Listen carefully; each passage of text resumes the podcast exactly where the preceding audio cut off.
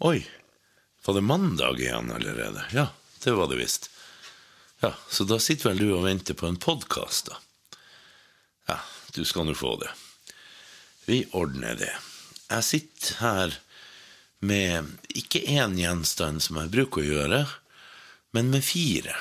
Fire gamle sølvmynter, hver med sin keiser sitt navn og portrett på og alle sammen er fra ett eneste år, nemlig år 69.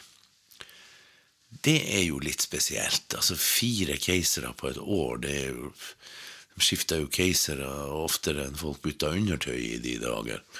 I hvert fall det året. Det var et fryktelig ustabilt år, og en veldig spesiell historie og det er faktisk en av de historiene jeg gleder meg virkelig til å fortelle. Så her er det bare å spenne seg fast, gjøre seg klar, og så skal dere få høre om året med de fire keiserne. Men for å forstå hvorfor det var fire keisere, så må vi snakke om en femte. Og han femte er veldig viktig for det. Men han var ikke keiser i år 69, derfor har ikke hans mynt med. Jeg har jo mynter av han. og Han het Nero, og han er en berømt og berykta figur, for å si det litt mildt.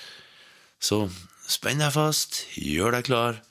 Da starter vi bakover i tida, helt til år 69. Det vil si, vi skal faktisk innom slutten av året 68 først. Tullprat hver mandag. Hver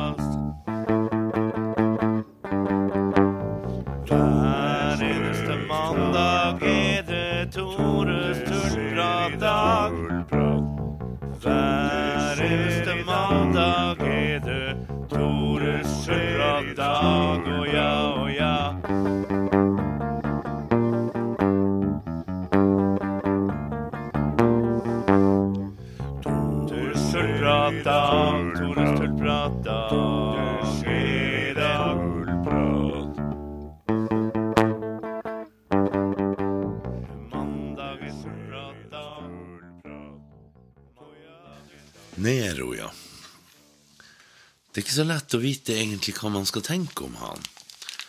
Fordi at det er sånn at Nero, han, han blir jo da hengt ut fryktelig i en del historiske verk fra samtida.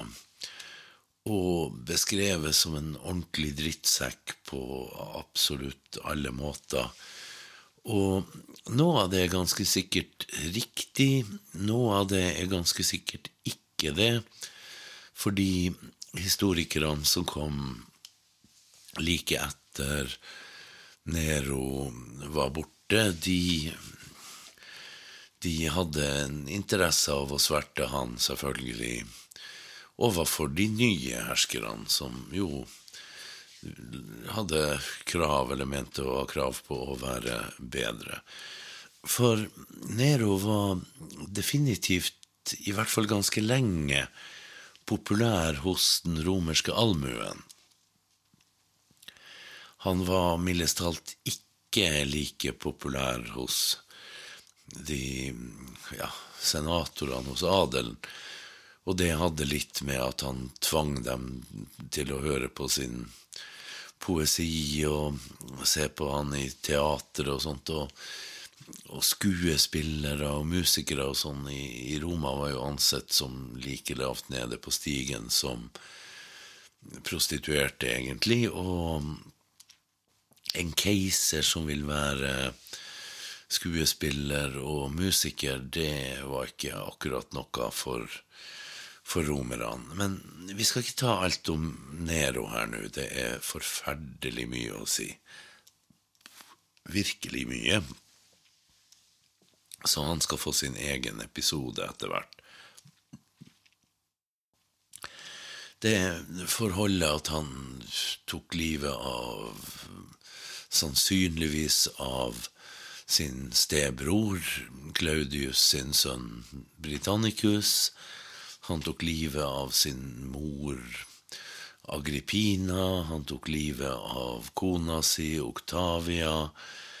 I det hele tatt, altså, det var nok litt i at han ikke var direkte mors beste barn.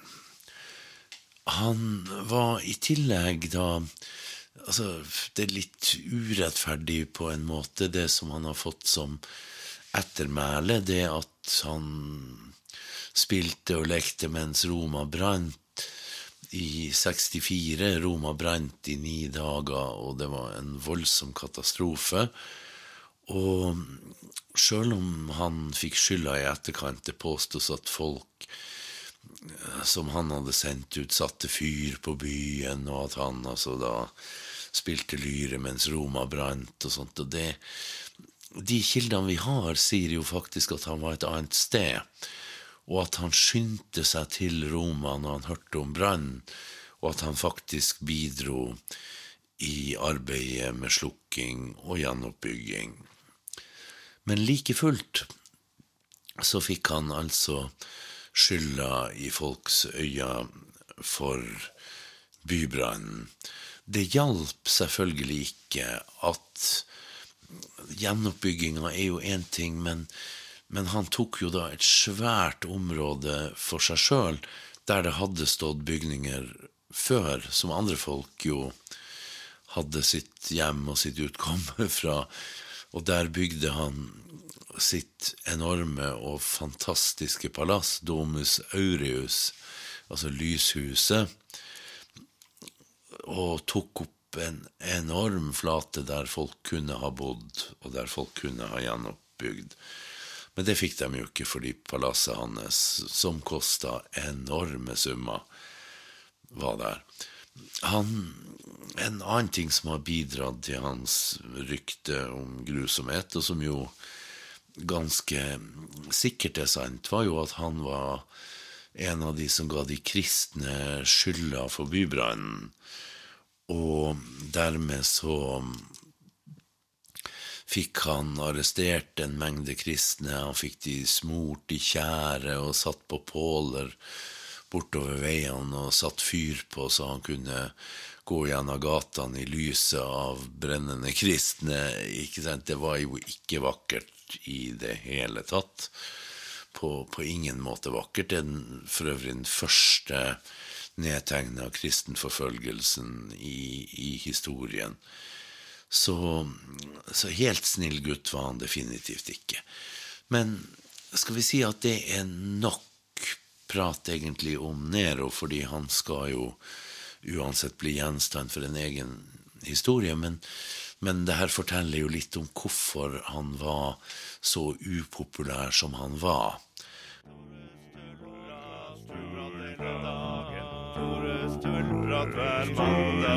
Hver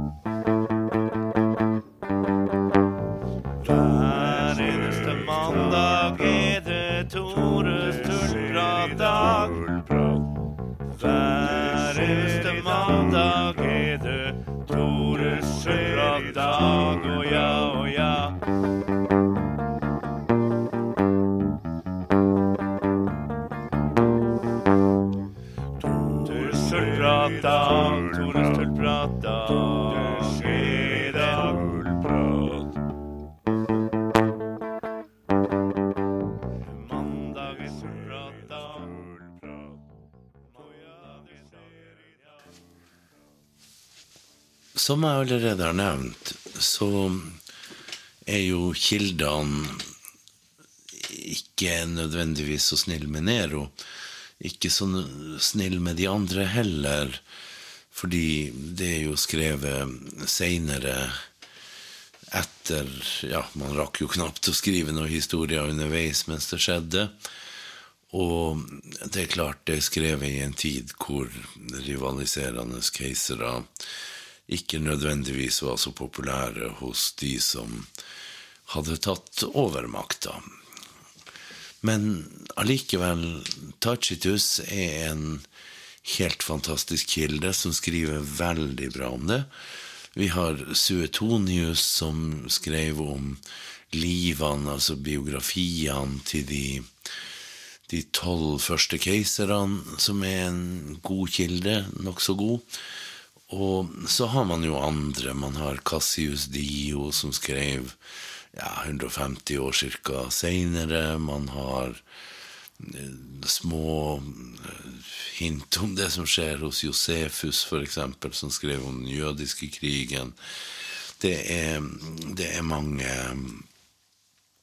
få store kilder og mange små. Men det som skjedde Altså, det blir komplisert, det her, så dere får bare holde ut med meg. Men, men det begynte i år 68, da Vindex, som var rett og slett konsul i Gallia, gjorde opprør mot Nero. Han ønska å utpeke en kar som het Galba til keiser, så Vindex ble aldri keiser i denne turbulente tida. Det som skjedde, var jo tvert imot at legionene som vokta grensen mot Germania, altså dagens Tyskland, langs Rhinen, de marsjerte mot Vindex i Gallia og overvant han. Og Vindex tok livet av seg, og det kunne jo stoppa der. Det gjorde det på ingen måte, sjøl om det romerske senatet faktisk erklærte Galba som fiende av Roma. Galba sto da som såkalt prokonsul i Hispania, altså Spania, rett og slett, på den iberiske halvøya. Og så var det jo sånn at det, det slutta på ingen måte der. For det Galba gjorde jo opprør og marsjerte mot Roma. Nå er vi på sommeren 68, i juni. Det skjedde ting i Roma hvor da senatet ble rett og slett overtalt til å bytte side. De var vel ikke så altfor motvillig heller. Og Nero måtte flykte hals over hode, og til slutt tok livet sitt da han fikk vite at han var dømt til døden av senatet in absentia, altså uten å være til stede sjøl. Så veien var jo da åpen for Galba, som marsjerte til Roma. På veien så gjorde han en del ting som ikke var så altfor lurt. Han altså Han mente seg selvfølgelig å være i sin rett, men det er ikke alt man har rett til som er like lurt å gjøre. Han gjorde veldig mye med altså byer som ikke umiddelbart underkasta seg han ble ilagt enorme bøter, og i det hele tatt Han oppførte seg ikke pent på veien. Han oppførte seg heller ikke så forferdelig lurt når han faktisk inntok Roma.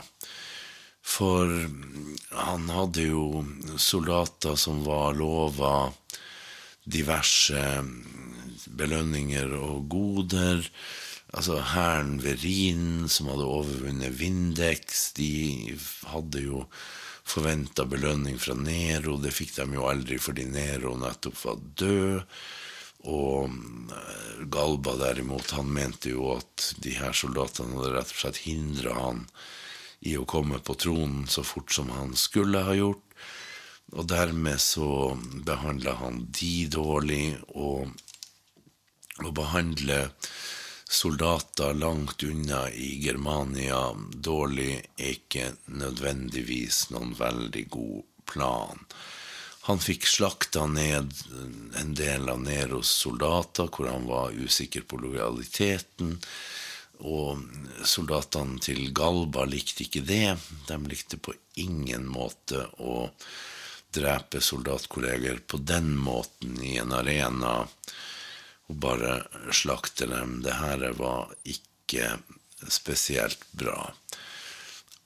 i det hele tatt det når Galba var såpass gjerrig som han var, også mot sine egne soldater som hadde inntatt Roma sammen med han, og ikke ville behandle de godt og betale de godt, så gjorde han en stor tabbe, fordi at når du er helt avhengig av soldater og våpenmakt for å beholde tronen, så er det absolutt siste du bør gjøre, det å være gnien med dem. Fordi dem avgjør om du lever eller dør. Og det skulle jo vise seg at det var akkurat det som skjedde. Men Skalba ble veldig upopulær og utpekte Lucius da til sin arvtaker og alt mulig, så dreiv en annen adelsmann, en mann ved navn Otto, en, et aldri så lite renkespill i kulissene, og bestakk folk i pretorgarden, blant annet, for å komme seg på tronen sjøl. Så sies det jo også at pretorgarden nok tenkte at Otto var en sånn som lett kunne manipuleres og lett kunne styres. Så dermed var jo pretorgarden heller ikke av den grunn så veldig motvillig mot å sette ham på tronen. Og ikke minst, det meste var bedre enn Galba. Så i 69 så gjorde de altså opprør. Men først, altså allerede 1. januar 69, så nekta legionene ved Rhinen altså den store og sterke hæren som sto i nord og vokta mot Germania, de nekta å sverge troskap til Galba. Det hjalp jo på ingen måte at da Ja, i det hele tatt, det hjalp jo på ingen måte at pretorgarden gjorde opprør. Tvert derimot. Så, så Galba og Lucius, hans etterfølger, eller utpekte etterfølger, ble begge arrestert og drept. Og likene deres ble rett og slett stappa i kloakken, for de hadde ingen grunn til å begrave ham på noe pen måte. Så Galba endte sitt liv i nokså høy grad på grunn av sin dårlige behandling av folk han var helt avhengig av. Men greit nok. Nero var borte, Galba var borte, en ny keiser, Otto, som faktisk hadde et ganske godt rykte, han var jo ikke noe grusom og fæl fyr, han hadde tatt over. Da skulle man jo tro at nå ble det ro og fred i riket. Men de som tenkte det, tenkte feil.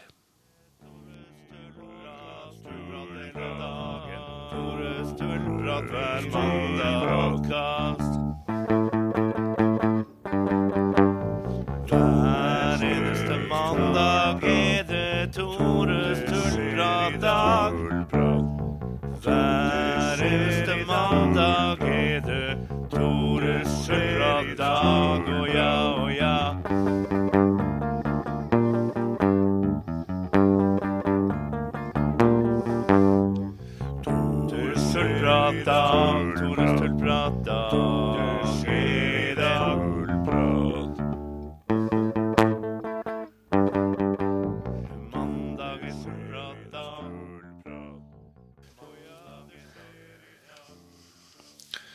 Så nå var altså Otto keiser. Og det kunne jo kanskje slutta der, men så var det jo det her oppe i nord, nemlig Vitellius. For det var sånn at når hæren i Germania ikke ville anerkjenne Galba som keiser, så utropte de Vitellius, sin kommandant, til keiser.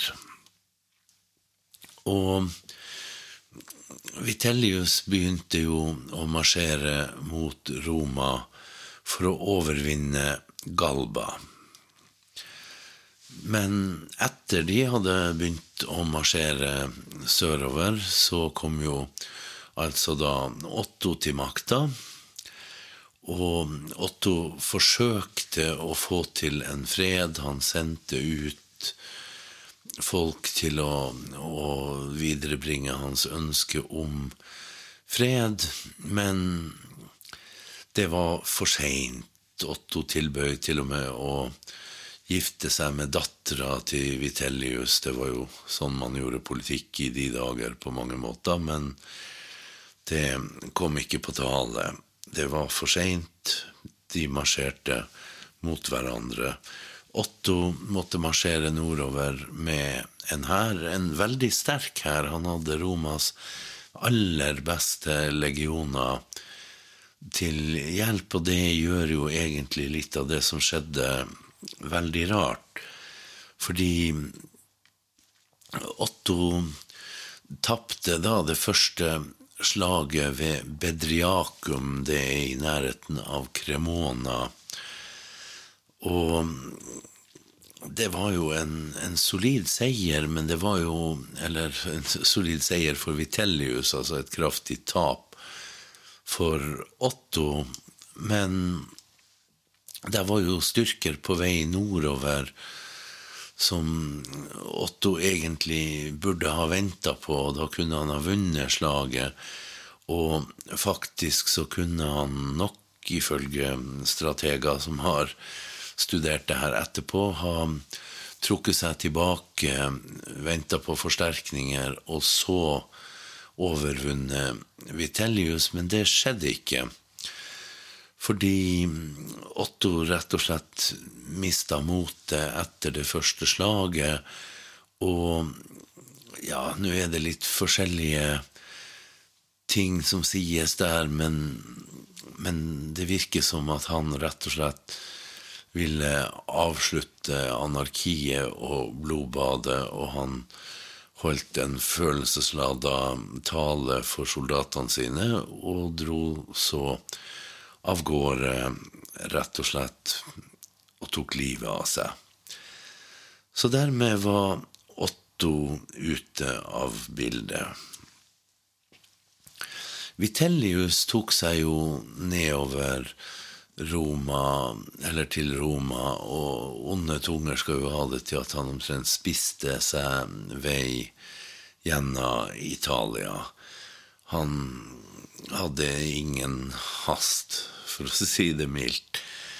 Og han, når han kom til Roma, så holdt han såpass mye overdådige banketter sånn at han rett og slett tømte statskassa så det holdt måtte ta opp lån. Innkrevere som ønska pengene tilbake, ble torturert i hjel. Det er en fryktelig ting er jo at folk som hadde testamentert ting til han når de døde, dem fikk han altså drept samt alle andre medarvinger, sånn at han fikk inn penger på den måten. Altså, Vitellius var ikke akkurat noen stor og god og viktig keiser. Han var nok en det vi i Finnmark ville kalt for en rottstokk. Så sånn ble det. Galba var død. Otto var død. Vitellius styrte riket Greit nok, en ny keiser. Da er man vel ferdig med bråket for det året? Nei, absolutt ikke. For lenger sør, i varmere strøk, der satt det en kar som het Vespasian. Han var travelt opptatt med å innta Jerusalem etter det første store jødiske opprøret.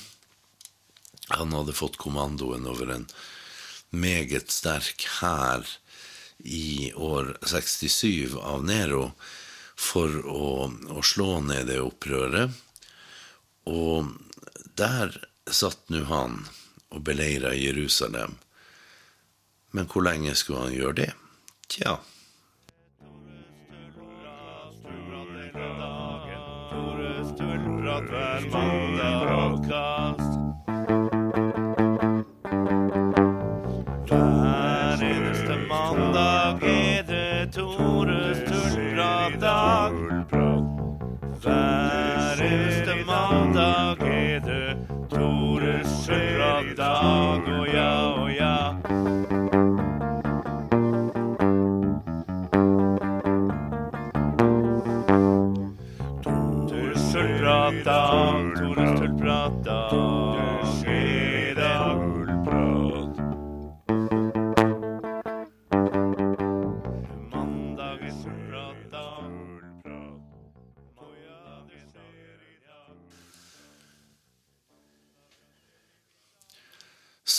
med andre ord, i Judea satt altså Vespasian.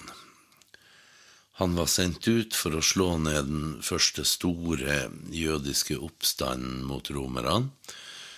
En oppgave han gikk veldig inn for. Så for de som vil vite mer om det, så anbefaler jeg å lese Josefus, som var en jødisk general, faktisk, som ble tatt til fange. Det er en fryktelig dramatisk historie hvordan han overlevde og ble tatt til fange, og ble venn med Vespasian og Titus, sønn til Vespasian, og dermed fikk leve og skrev historien om den første store jødiske oppstanden som skulle føre til at tempelet i Jerusalem ble brent ned når styrkene under Titus inntok byen. Men det er på sida av det som skjer her. Fordi Vespasian han ble rett og slett erklært keiser av sine soldater og av da andre guvernører og sånt i området, sånn at han kunne ta over Egypt. Og Egypt var veldig, veldig viktig fordi Roma var ikke selvforsynt med mat lenger. Så den som kontrollerte Egypt, kontrollerte strengt tatt om de i Roma hadde mat i magen eller ikke. Og når noen andre hadde kontrollen, så hadde de ikke mat i magen. Så det var ganske viktig å ta Egypt. Det er en lang, lang historie, det her. I hvert fall så, så erklærte jo de nordlige legionene seg lojale til Vespasian. Det var et hardt slag for Vitellius, som jo var fullt i gang med å spise banketter og drepe motstandere og alle som kunne ha penger han kunne ta for å få flere banketter. Så det ble ikke direkte bra, det her. De nordlige, nordlige legionene begynte å marsjere sørover mot Roma, og Vespasian ble i Egypt, men sendte en hærfører, Primus, inn i Sør-Italia. Vespasian, han hadde jo klart ambisjonen om å ta over her, og Vitellius prøvde med fredsforhandlinger, men det gikk på ingen måte. Han prøvde jo til og med å gi fra seg keiserregaliene, men ble nekta av sine egne offiserer å gi opp. Så Vespasian var rett og slett mellom barken og veden, eller som man sier på ny, nytt norsk, between a rock and a hard place. Der satt Vitellius. Så det gikk som det vel strengt tatt måtte gå. Vitellius tapte for, for øvrig et slag ved det samme stedet der han hadde beseira Otto i det andre slaget ved Bedriakum i nærheten av Cremona, og det var jo egentlig dødsstøtet for hans gjerning som keiser. Så Vitellius endte jo opp med et siste besøk i palasset, der han ble tatt av Vespasian sine menn. Det var ikke noe pen slutt han fikk.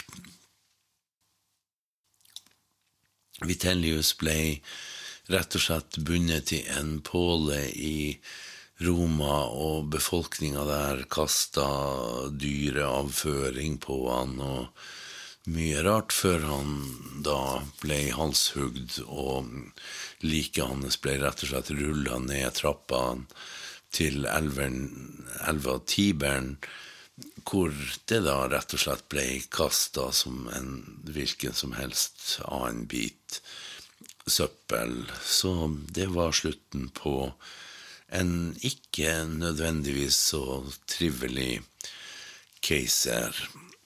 Dermed ble det altså Vespasian, den fjerde keiseren på et år, som tok makta i Roma. Det her var jo da i desember 69. År 69, året med de fire keiserne.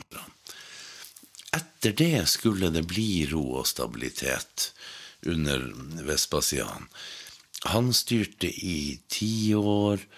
Sønnen hans Titus, som jo før nevnt, som hadde vært med han i, i Judea, tok over, og i det hele tatt det ble et dynasti av det her, så det ble faktisk stabilitet. Så det å sitte og lese denne historien er ufattelig spennende. Det er mye mer spennende enn noen roman.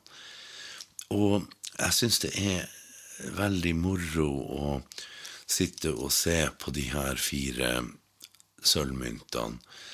Der er altså Galba, der er Otto, der er Vitellius, og det er Vespasian. Vespasian sine mynter er jo ikke så fryktelig sjeldne, fordi han styrte jo tross alt i, i ti år etterpå. Men de tre andre er sjeldne av den enkle grunn at de styrte så kort, så man rakk ikke lage så voldsomt mye mynt til dem. Den aller sjeldneste, og den som jeg virkelig sleit med å få tak i, var jo Otto. Fordi han styrte jo rett og slett bare så vidt over tre måneder. Og derfor så er myntene hans naturlig nok veldig sjeldne. De er jo nesten ikke mulig å finne tak i. Dessverre er det masse forfalskninger på markedet, men min er ikke falsk, og det er jeg veldig glad for. Så når jeg sitter og ser på de her fire sølvmyntene med boka til Tacitus om de fire keiserne foran meg, så må jeg si jeg føler meg fryktelig heldig som har klart å samle sammen fire små biter sølv som forteller en ufattelig spennende historie. Så galt kan det gå. Det å få makt er ikke nødvendigvis Altså, det er mange som higer etter makt, men man burde kanskje ikke alltid gjøre det. Fordi makt er farlig. Det er farlig for en person i seg sjøl, for din egen personlighet. Det er også farlig fordi at jo mer makt du får, desto flere rivaler får du. Og fire keisers året beviser jo det med all mulig tydelighet. Det er ikke bare å komme seg, få kravla seg opp på tronen. Man skal også faktisk bli sittende der, og det er ikke nødvendigvis så lett som man skulle tro. Det er ikke sånn at i det øyeblikket du sitter på tronen, så er du fast for alltid. Det er i hvert fall en ting historien forteller oss med all mulig tydelighet. Så sånn var det. Fire keisere på ett år. Et forferdelig anarki, en forferdelig vanskelig tid, men sånn var det. Sånn var det enkelt og greit. Og det var slutten på denne historien. Men bare følg med, for det kommer mange flere historier på denne podkasten. Veldig mange flere. Mange flere enn fire, skal jeg si det. Så bare følg med, så møtes vi igjen.